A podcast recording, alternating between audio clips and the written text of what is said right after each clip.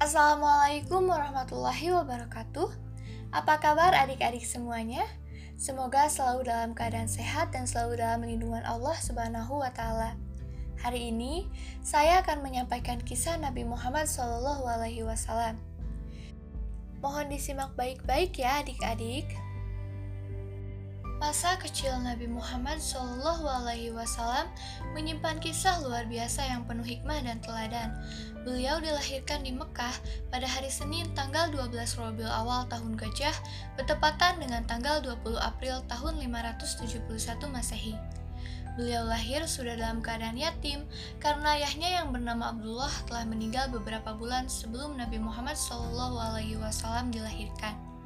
Bahkan, ketika Nabi Muhammad SAW berusia 6 tahun, beliau menjadi yatim piatu karena ibunya yang bernama Siti Aminah meninggal dalam perjalanan pulang dari Madinah bersama Nabi Muhammad SAW setelah berziarah ke makam ayahnya. Sedari kecil, beliau disusui oleh Halimah Sadiah di sebuah dusun di luar kota Mekah hingga berusia lima tahun dengan maksud agar Nabi Muhammad SAW memperoleh udara yang bersih dan dapat berbicara dengan bahasa Arab yang murni serta fasih. Dengan demikian, Nabi Muhammad SAW hanya dalam waktu kurang lebih satu tahun diasuh oleh ibunya.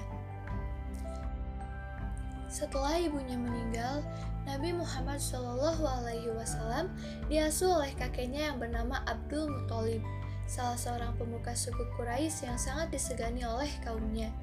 Akan tetapi, dua tahun kemudian Abdul Muthalib meninggal dunia.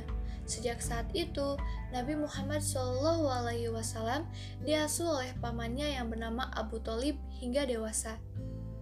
Sejak kecil, Nabi Muhammad SAW telah mempunyai akhlak yang sangat terpuji.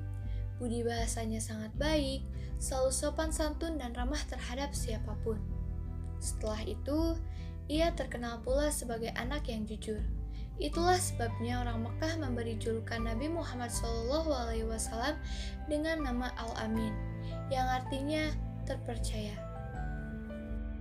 Di masa remaja, karena kejujuran dan keluhuran budinya, Nabi Muhammad SAW sangat disayangi oleh pamannya, sehingga ia dianggap sebagai anaknya sendiri.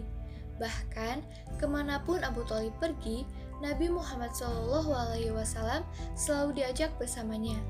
Begitu pula ketika Nabi Muhammad SAW berusia 12 tahun, ia diajak oleh pamannya ke negeri Syam untuk berdagang. Dalam perjalanan itulah mereka bertemu dengan pendeta Kristen yang bernama Bukhairo. Ketika pendeta itu melihat tanda-tanda kenabian pada Nabi Muhammad SAW, ia memberi nasihat kepada Abu Talib agar keponakannya diawasi dan dijaga dengan sebaik-baiknya. Di masa dewasa, beliau menikah di usia 25 tahun dengan Khadijah yang berusia 40 tahun. Sungguh pun demikian, pernikahan itu membawa kebahagiaan. Bahkan, lebih dari itu, ternyata Khadijah di kemudian hari sangat besar perannya, terutama dalam membantu suaminya dalam melaksanakan tugas suci sebagai penutup para nabi dan rasul. Ketika usianya mendekati 40 tahun, Nabi Muhammad SAW sering pergi ke Gua Hiro yang terletak 5 km jauhnya dari Mekah. Di gua itu, Nabi Muhammad SAW bertafakur, memikirkan masyarakat dan umat manusia pada umumnya. Beliau juga memohon petunjuk kepada Tuhan agar dapat menyelamatkan umat manusia dari segala bencana dan kesesatan.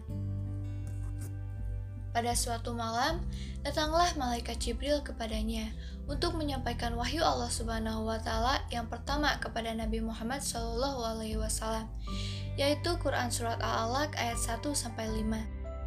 Peristiwa itulah yang disebut dengan Nuzulul Quran, yang artinya permulaan turunnya ayat suci Al-Quran. Peristiwa itu terjadi pada tanggal 17 Ramadan di Gua Hiro. Sejak saat itu, Nabi Muhammad SAW telah diangkat oleh Allah Subhanahu wa Ta'ala menjadi nabi dan rasul sekaligus menjadi penutup seluruh nabi dan rasul.